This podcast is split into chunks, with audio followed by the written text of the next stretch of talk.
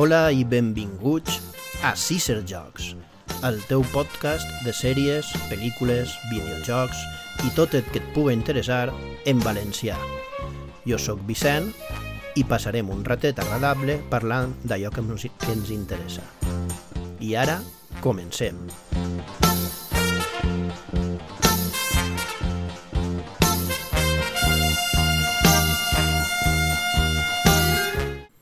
Bé, benvinguts, ja estem així i comencem.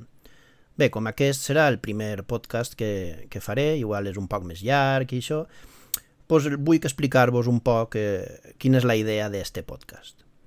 Bé, en principi intentarem parlar de tot allò que, que pugui ser interessant, un poc, jocs, pel·lícules, sèries, jocs de taula, manga, anime, un poquet de tot. En alguns podcasts parlarem de diverses coses i alguns intentaré dedicar-los en exclusiva a sèries, a una pel·lícula en concret, a, a un tema en concret, per, per poder profunditzar-hi més. I bé, al final del, del podcast ja vos diré el correu per si voleu algun dubte o que comente alguna cosa. No sóc un professional, eh, és una cosa que comence ara i, i m'agradaria pues, un poc fer-ho en la meva llengua i, i que sigui agradable per tots. Així que, que bueno, és un contingut que espero siga interessant i, i anem allà un poc al tema. Bé, comencem parlant d'un videojoc que jo crec que, que així per ser el primer capítol tenia que caure, perquè és, és essencial, que és el, el Cyberpunk 2077. És un joc que ha, ha, ha hagut molta polèmica amb aquest joc, que ara per fi ja la, la PS Store el deixa comprar, perquè hasta ara no es podia, per tots els problemes que ha tingut, però bé, anem un poc primer a, a com és el joc i després veiem tota aquesta polèmica. Bé, és un joc creat per CD Projekt i, i per les plataformes de, de PC, PS4, PS5, Xbox One, Xbox Series X i va sortir sobre el 10 de desembre de 2020. És una adaptació d'un joc de rol ambientat en la ciutat de Night City, Califòrnia. Eh, és un joc de món obert, comilles, comilles, en primera persona i bé, i el, el protagonista pot ser home, dona, trans, pots fer el que vulguis en la creació del personatge, que això està molt bé, i li diuen UV. Eh, eh, lo, una de les millors coses és l'editor d'aquest joc, perquè és un joc que pots fer el que vulguis en el personatge i crear el personatge que tu eh, vulguis. És un personatge que pot ser, inclús ja el dic, un, un personatge trans, val? En, en tot el que tu vulguis editar.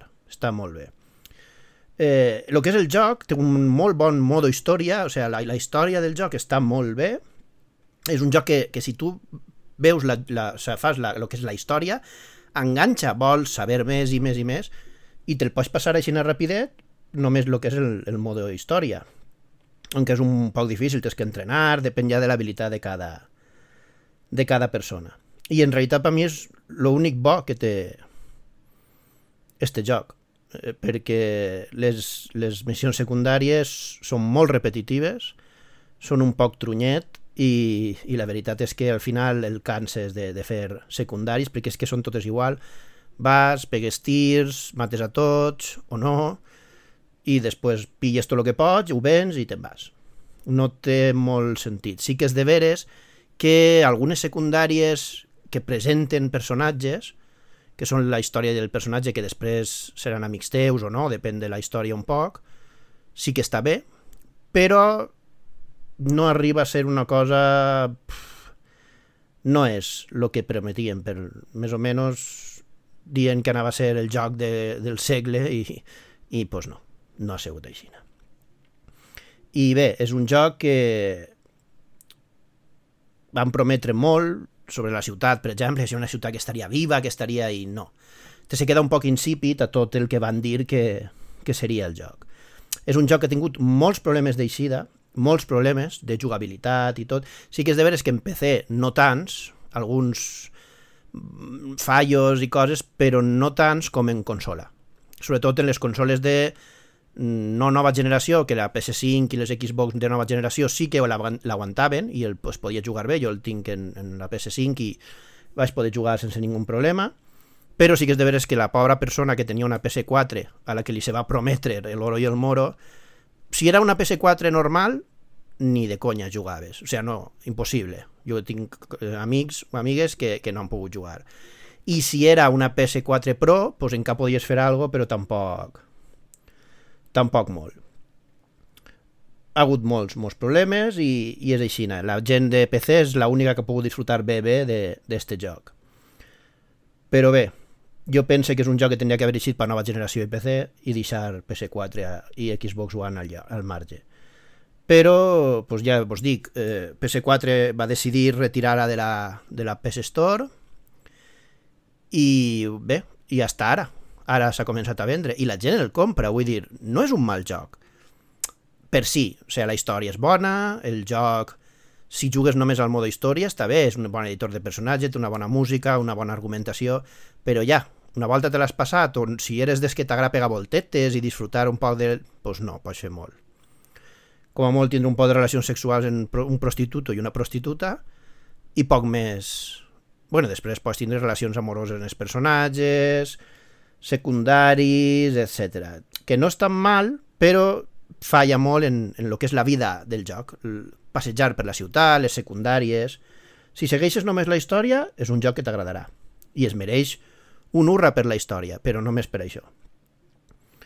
Mm, bé, és de veres que de moment encara no així la versió per a PlayStation 5, pots jugar en la de 4, però no tenim una versió pròpiament dita per, per a la nova generació de consoles. En fi, és el que dic, és un joc que, que si tens una nova generació o un PC pots disfrutar molt del, de l'argument, molt del gràfic, però ja està. Una volta t'has passat el joc història, mod història, les secundàries no estan molt bé. Sí que vos dic que algunes secundàries estan bé, són els que presenten els personatges secundaris i tal, però poc més, eh? Poc més. Va millorant, clar, ara si te'l compres ara ja és una cosa diferent. Però jo no, no el recomane si eres una persona que t'agrada molt explotar bé el joc. És un joc que pots jugar-lo, el modo història, però després el cansaràs pronte. Per és la meva impressió. Poquet a poquet, suposa que igual els DLCs o continuacions que traguen enganxen més, no ho sé. En fi, jo li posaria un 7 sobre 10, que no és una mala puntuació, eh? perquè comptant el que ha passat, pues, pues clar, ni gent que se'l va comprar i no ha pogut jugar encara. I ara pot començar igual, però tampoc. Entonces, és un joc que no és que no recomane, però bé, està bé, però és un joc per comprar-lo i al mes, si te l'has passat, tornar-lo, de moment. No sé jo el modo història com serà. Ara, si eres jugador de PC, disfrútalo, eh? que pots disfrutar-lo perquè no té ningú problema. Ara, és el que vos dic. Per a mi coixeja el secundari tot el que és la principal, molt bé. La història principal, molt bé. Però el tema del secundari deixa, deixa molt, molt que desitjar. Però és un joc que va ser arriesgat, ho van intentar, i per mi l'únic problema que ha hagut és que no han sabut recular, de dir, miren, no anem a eixir en consoles de generació passades, aunque ho van prometre, però no pot ser. No pot ser perquè han provat i no, no va gens. Són jocs per nova generació i PC, i punt. Però bé, ja vos dic, sent benèvol, un 7 sobre 10. Ara, per tots els que van jugar a videojocs o van començar en, en els anys 90, farem un espai per a jocs retro. Adivineu de quin joc anem a parlar?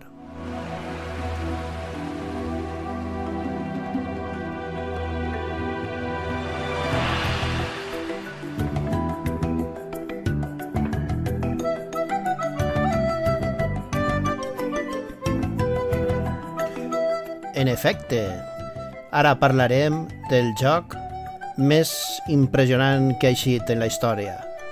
Una aventura gràfica que farà que tots desitgeu jugar-lo. És una joia, un... una part de la història que és imprescindible. I parlem, per supost, The Secret of Monkey Island. Doncs sí, comencem en l'apartat de jocs retro parlant del que per mi és, si no el millor, un dels millors jocs de la història. Una aventura gràfica que en els anys 90 estava molt de moda i és això, The Secret of Monkey Island, que és la primera part d'una saga que, que veurem en profunditat en un, en un podcast que dedicarem només a o gran part d'ella a esta saga i bé, és un joc que ve de la mà de LucasArts i el creador és eh, Ron Gilbert que ha fet uns quan algun altre joc ara fa poc ja parlarem també d'ell. Bé, doncs esta, esta joia narra les, les aventures d'un gran pirata o bé en esta part d'un gran aspirant a pirata que es diu eh, Guybrush Tripwood no sé jo si el pronuncio molt bé, però bé i bé, en esta primera entrega, que és el que estaven dient, ell intenta convertir-se en pirata, vol labrar-se, vol llaurar-se ixa, diguem, eh, fama del ser un gran pirata. I per aconseguir-ho, doncs, deurà, deurà primer eh, va a un poble on deu reunir certes proves perquè el declaren pirata i bé, la, la finalitat del joc és és enfrentar-se al terrible pirata Lechak, que és un roïníssim pirata fantasma que té aterrorides a, a tota la gent de l'isla allí. I bé, eh, en esta sèrie d'aventures, eh, d'intentar aconseguir ser un gran pirata, pues coneix a, a la governadora de l'illa, de l'illa de Melé, o de Melé, sí, es diria així, que és la bellíssima Elaine Marley. És una governadora amb un par d'ovaris i bé, doncs al principi diguem que no, no es cauen bé. L'argument és un poc descabellat, té una de les millors, eh, com diria jo, entregues de lucha d'espases del món, que és a insultos, o sigui, grandíssima, grandíssima. Jo parlarem més a fons en l'especial, però és un joc que recomane moltíssim. Publicat l'any 1990, està carregat de molta ironia, molta sentit de l'humor, eh, i eh, bueno, està considerat això, una de les millors aventures gràfiques de la història. Divertit, entretengut, ja vos dic, compta proves mítiques com, com la dels insults, de la talla de, pues no sé, has dejado usar pañales, a lo que tu deus de contestar, perquè si no contestes bé, perds, eh, porque acaso quieres pedirme uno prestado, coses així, no? O sigui, és, està molt bé, conforme vas lluitant, vas aprenent insults i pots eh, impartir-los tu de la forma que cregues més convenient. És una forma molt original de barallar-se en espasa eh, i bé, és un joc que, que s'ha de veure i s'ha de jugar. Per sort tenim una versió que va eixir sobre 2009 està remasteritzada, uns gràfics impressionants, on que pots fer el canvi, és dir, si eres un melancòlic i dius, no, jo vull jugar en els gràfics de la versió original, pots jugar, pots anar passant de gràfics de la versió original a la remasteritzada, van remasteritzar la banda sonora, tot. O sigui, han fet una remasterització molt bona, molt bona. Del primer, del segon, bé, d'això ja parlarem més avant. Però, vamos, la recomane molt, però molt, eh? N'hi ha que jugar, aquest joc és imprescindible. Té un guió impressionant, una banda sonora molt bona, i ja vos dic, que no vull tampoc donar-li molt perquè això és un primer programa, vull dedicar un podcast, un primer programa, un programa especial només a, a la saga de Monkey Island, i bé, què vos tinc que dir? És l'època dorada dels videojocs per a mi, la, les aventures gràfiques de of the Tentacle, Maniac Mansion, pf, les de Sweet Larry, Sam Max, vull dir, n'hi ha un muntó que parlarem d'elles i per supost està esta, The Secret of Monkey Island, que és la primera part i és pf, impressionant. Va, jo vos la recomane al 100%. Té un 10 sobre 10. No es pot discutir. A més, vosaltres imagineu-se que vosaltres ara és molt fàcil. Que tens un problema, hòstia, duc 10 minuts atascat, em desespere, m'agarra un infarto, ja no puc manejar-me, pilles internet i el senyor Google el diu que tens que fer. Però fa... en els anys 90 no estava el senyor Google. estava l'amic que també es passava hores i hores mirant la pantalla perquè no sabíem què fer i ell ho havia aconseguit. O coneixia algú que coneixia algú altre que ho havia aconseguit. I per això eren tan bons estos jocs, perquè a voltes el tiraves un dia sencer mirant la pantalla i dir és que i era la, ton...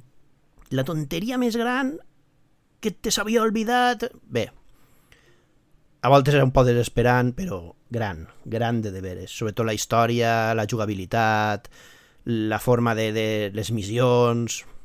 O sigui, per els anys 90, no, no vos dir res més. Va ser una època molt, molt gran per aquest tipus de jocs, les aventures gràfiques. Així que ja vos dic. Avui és el, el primer programa, anem a repartir un poc perquè vegeu de què es parlarà, però anem a fer un especial, només de, de Monkey Island, que espero que vos agrade. Ja dic, un 10 de 10, no hi ha volta de fulla, i bé, parlarem o seguirem parlant d'aquest joc. Molt recomanat.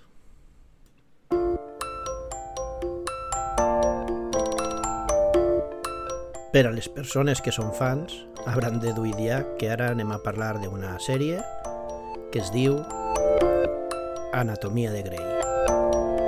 Comencem. Bueno, comencem ja en, en la sèrie Anatomia de Grey, o Grey's Anatomy, o com es diga. Bé, és una sèrie que, bueno, és una sèrie de metges, però vull fer un poc més de... Ondar més en el fons de la última temporada que està emitint-se, bueno, que ja s'acaba d'emitir, i que parla sobre una situació molt actual. Han, ho han retransformat tot per, per parlar de la situació del coronavirus, del Covid-19. Bé, eh, eh, és una sèrie que en este tros està prou bé, esta última temporada, perquè refleja prou el que està passant. Val? Des del confinament, des del principi de, de la Covid a, hasta ara... Bé, la temporada crec que acaba més o menys en les vacunes i tot això, però sí que jo veig que refleja prou, sobretot la desesperació del personal sanitari, la, la desesperació dels familiars que, que han passat un calvari perquè han vist com les persones que ells volien, els seus éssers volguts, pues, pues, pues han mort soles i sense poder estar en ells i sense, sense poder fer un enterrament. O sigui, bé, tots sabem el que és la Covid. Però bé, deixem això a part i parlem un poc d'esta sèrie, que d'aquestes sèries anirem parlant perquè a mi les sèries de metges em xiflen un poc més. Farem un especial de sèries de metges i parlarem també d'una de les millors sèries, que jo crec que és la millor sèrie, que és, és Urgències o, o ER, com es diuen en, en americà, crec, perquè tampoc és que parli jo en anglès ahí. Però bé, d'això ja parlarem més, més específicament. Bé, Anatomia de Grey és una sèrie creada per la showrunner Shonda Rhimes. És estrenada més o menys al març del 2005 i l'argument es centra un poc al principi en la vida de d'uns interns, són els protagonistes, els interns d'un hospital, i és el primer any que són metges i estan especialitzant-se en cirurgia. Suposa que és una de les especialitats pitjors del món, més difícils, etc etc. I bé, la sèrie pues, va un poc centrar en la seva vida... Sí que és de veres que a diferència d'Urgències, per exemple, esta sèrie es basa més en, en l'amorío i... Però quan, a part de tot això, hi veus el tema mèdic, la veritat és que a mi m'agrada prou. Bé, la sèrie eh, està mm, comandada és per l'actriu que li dona vida a Meredith Grey, que és Ellen Pompeo, Pompeo, Vale, no m'ha el l'apellido. Ellen Pompeo, sí. És Meredith Grey, que és la protagonista. I ella com a que narra un poc la, cada capítol de la sèrie i posa el punt d'inici i el punt final, aunque no sempre és ella, en la voz en off de sèrie, de cada capítol.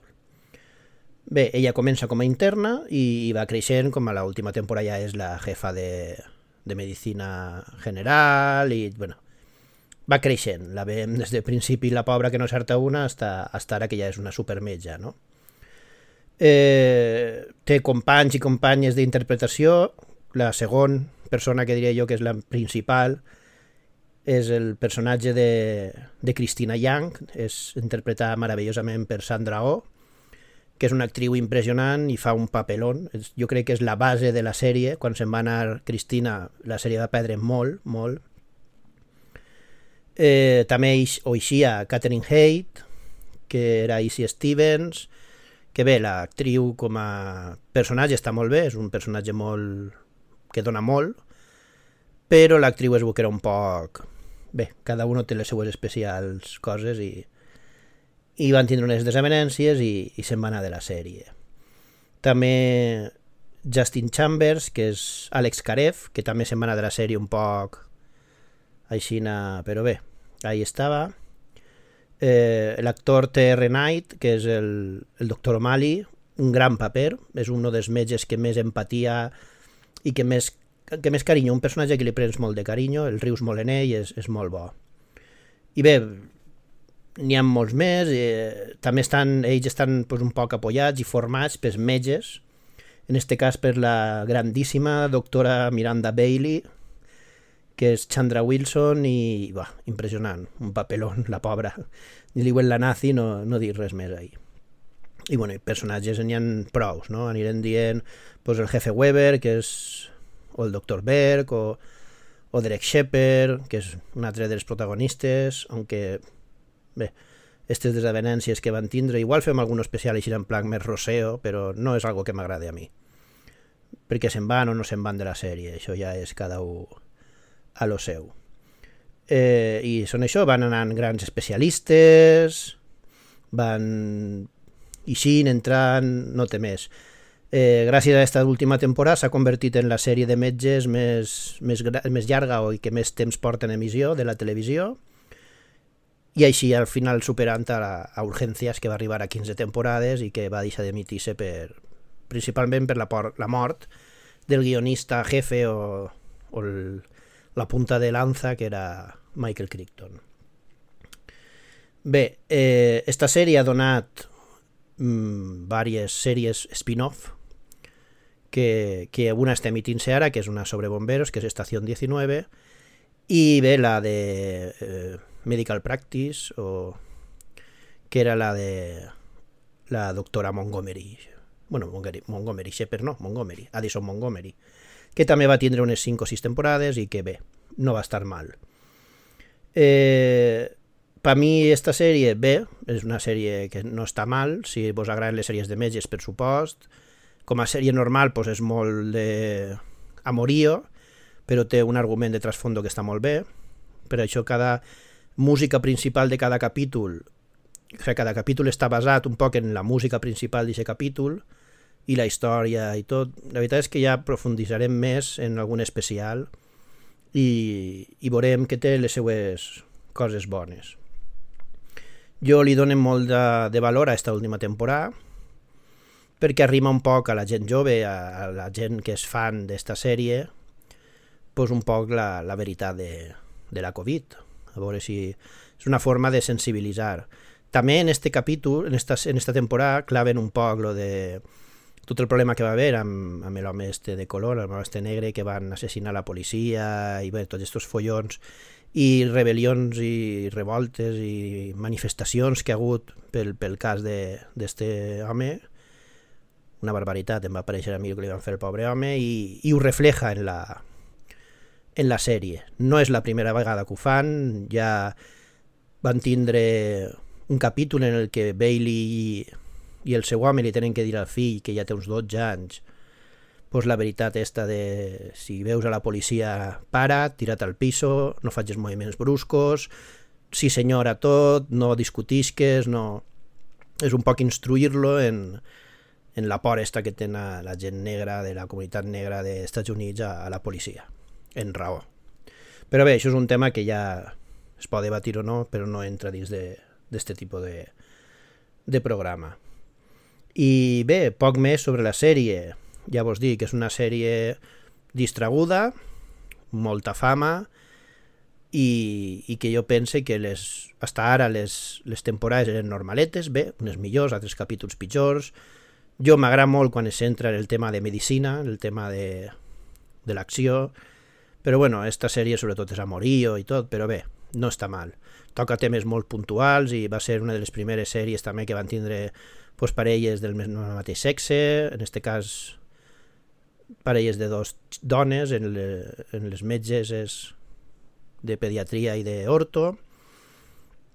Van tocar molt el tema de, del matrimoni homosexual, que no estava, que sí estava. Bé, toca temes molt, molt puntuals i, i també està bé això. I per lo de més, bé, tampoc molt més a dir. Eh, ja vos dic, aquesta sèrie n'hi ha que donar-li molta molta credibilitat o molta una enhorabona al tema de la Covid, de com estan tratant-lo, però jo penso que estan fent-ho prou bé.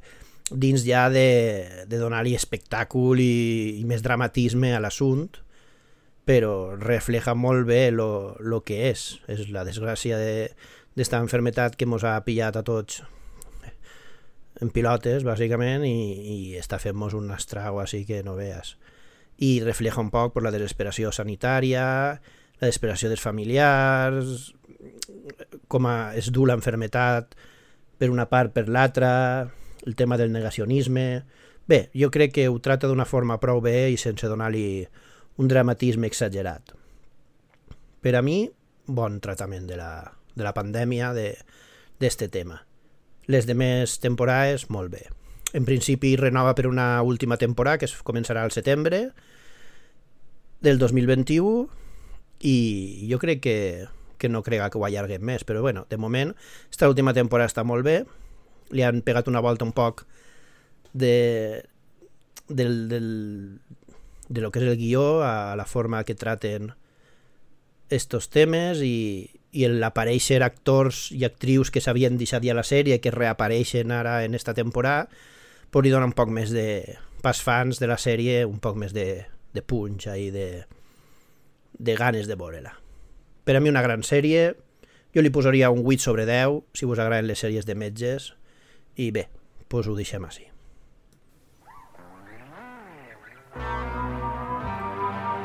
Aquí vas a quidrar? Anem a parlar ara d'una gran, gran, gran pel·lícula. Aprofitant que al novembre s'estrena una seqüela, parlem de Los cazafantasmas.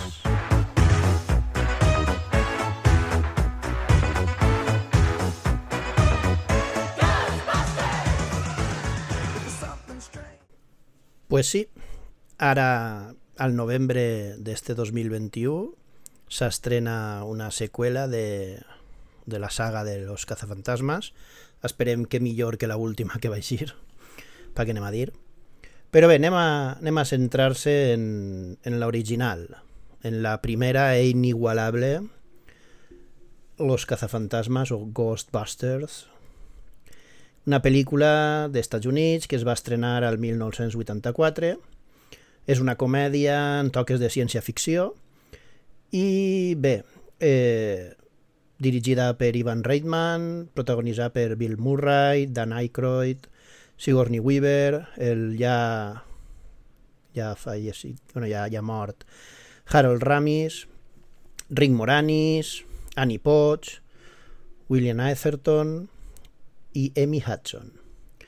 La pel·lícula va ser un taquillazo, va ser un èxit en la taquilla, una banda sonora impressionant, amb, amb la cançó que estàvem sentint, el trosser que estàvem sentint de la cançó Ghostbusters, el meu anglès és una merda, i que és de, de Ray Parker Jr.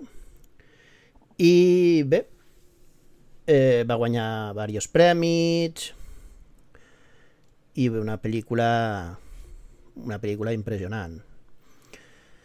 Bé, és la pel·lícula que està escrita per, per Dan Aykroyd i, i Harold Ramis, entre altres.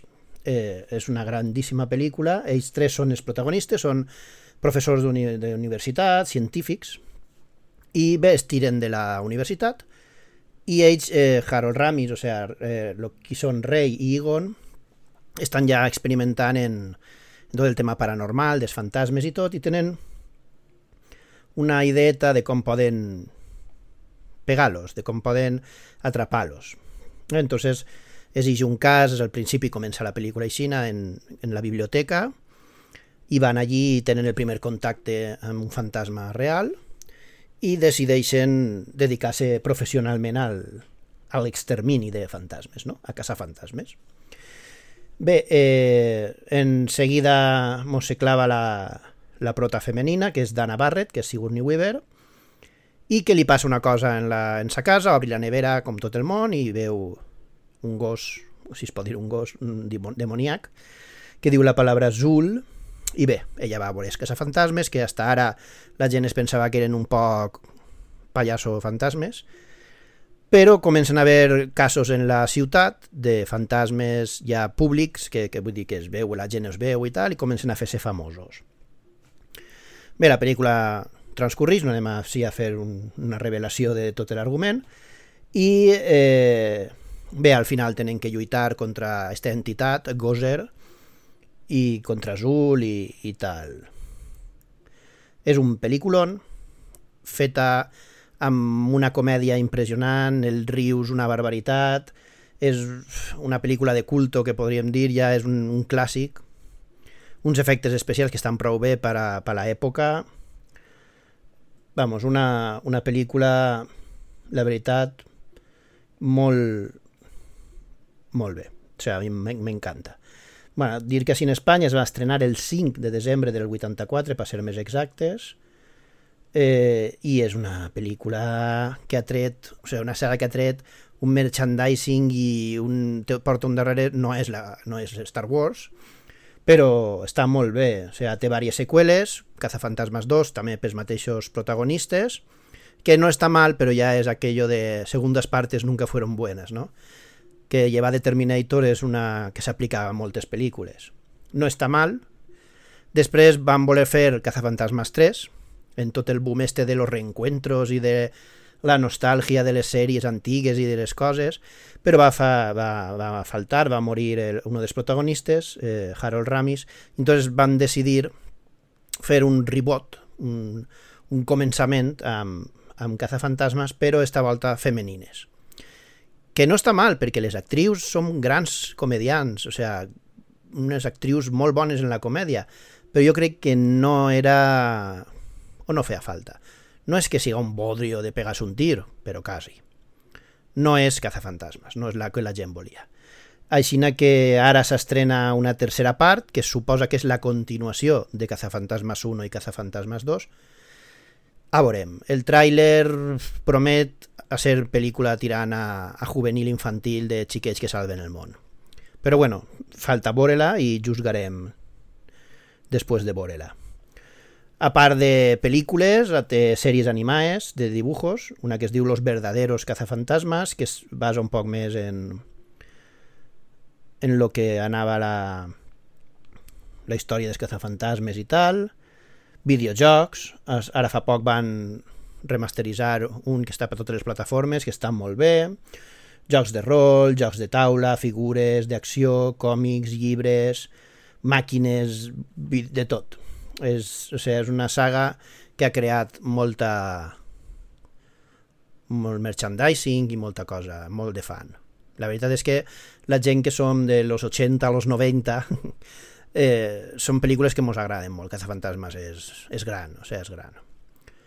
Era una pel·lícula que ja feia la comèdia d'algo que en principi fa por, que són els fantasmes, i la veritat és que està molt bé. Uns efectes especials, ja dic, molt bons per l'època. Si a cas sí que faríem, ara en estrenar-se la tercera part, farem un especial de, de totes, de tota la saga i veurem coses més en profunditat, perquè n'hi ha molt que parlar d'esta pel·lícula. Però jo vull fer-li un xicotet homenatge així primer, la Mullaeta, per pa, pa obrir boca perquè em pareix que és una grandíssima pel·lícula i que es mereix, es mereix pues, una menció, per lo menos. Mm, no n'hi ha molt més que dir, n'hi ha que veure-la, si no l'heu vista, em sembla que està en Netflix ara o en Amazon Prime, bé, es pot veure, en Netflix em sembla que està. i, i val la pena veure-la. Eh? És una pel·lícula que si no l'heu vista val la pena. Si teniu xiquets que no siguin molt menuts, d'uns 9, 10, 11, 12 anys, la poden veure també. I jo crec que, que us agradarà. Sí que és de veres que no és una cosa perquè els efectes especials són dels 80, però està molt bé. I a part d'això, res, eh, no queda molt de dir perquè és veure-la.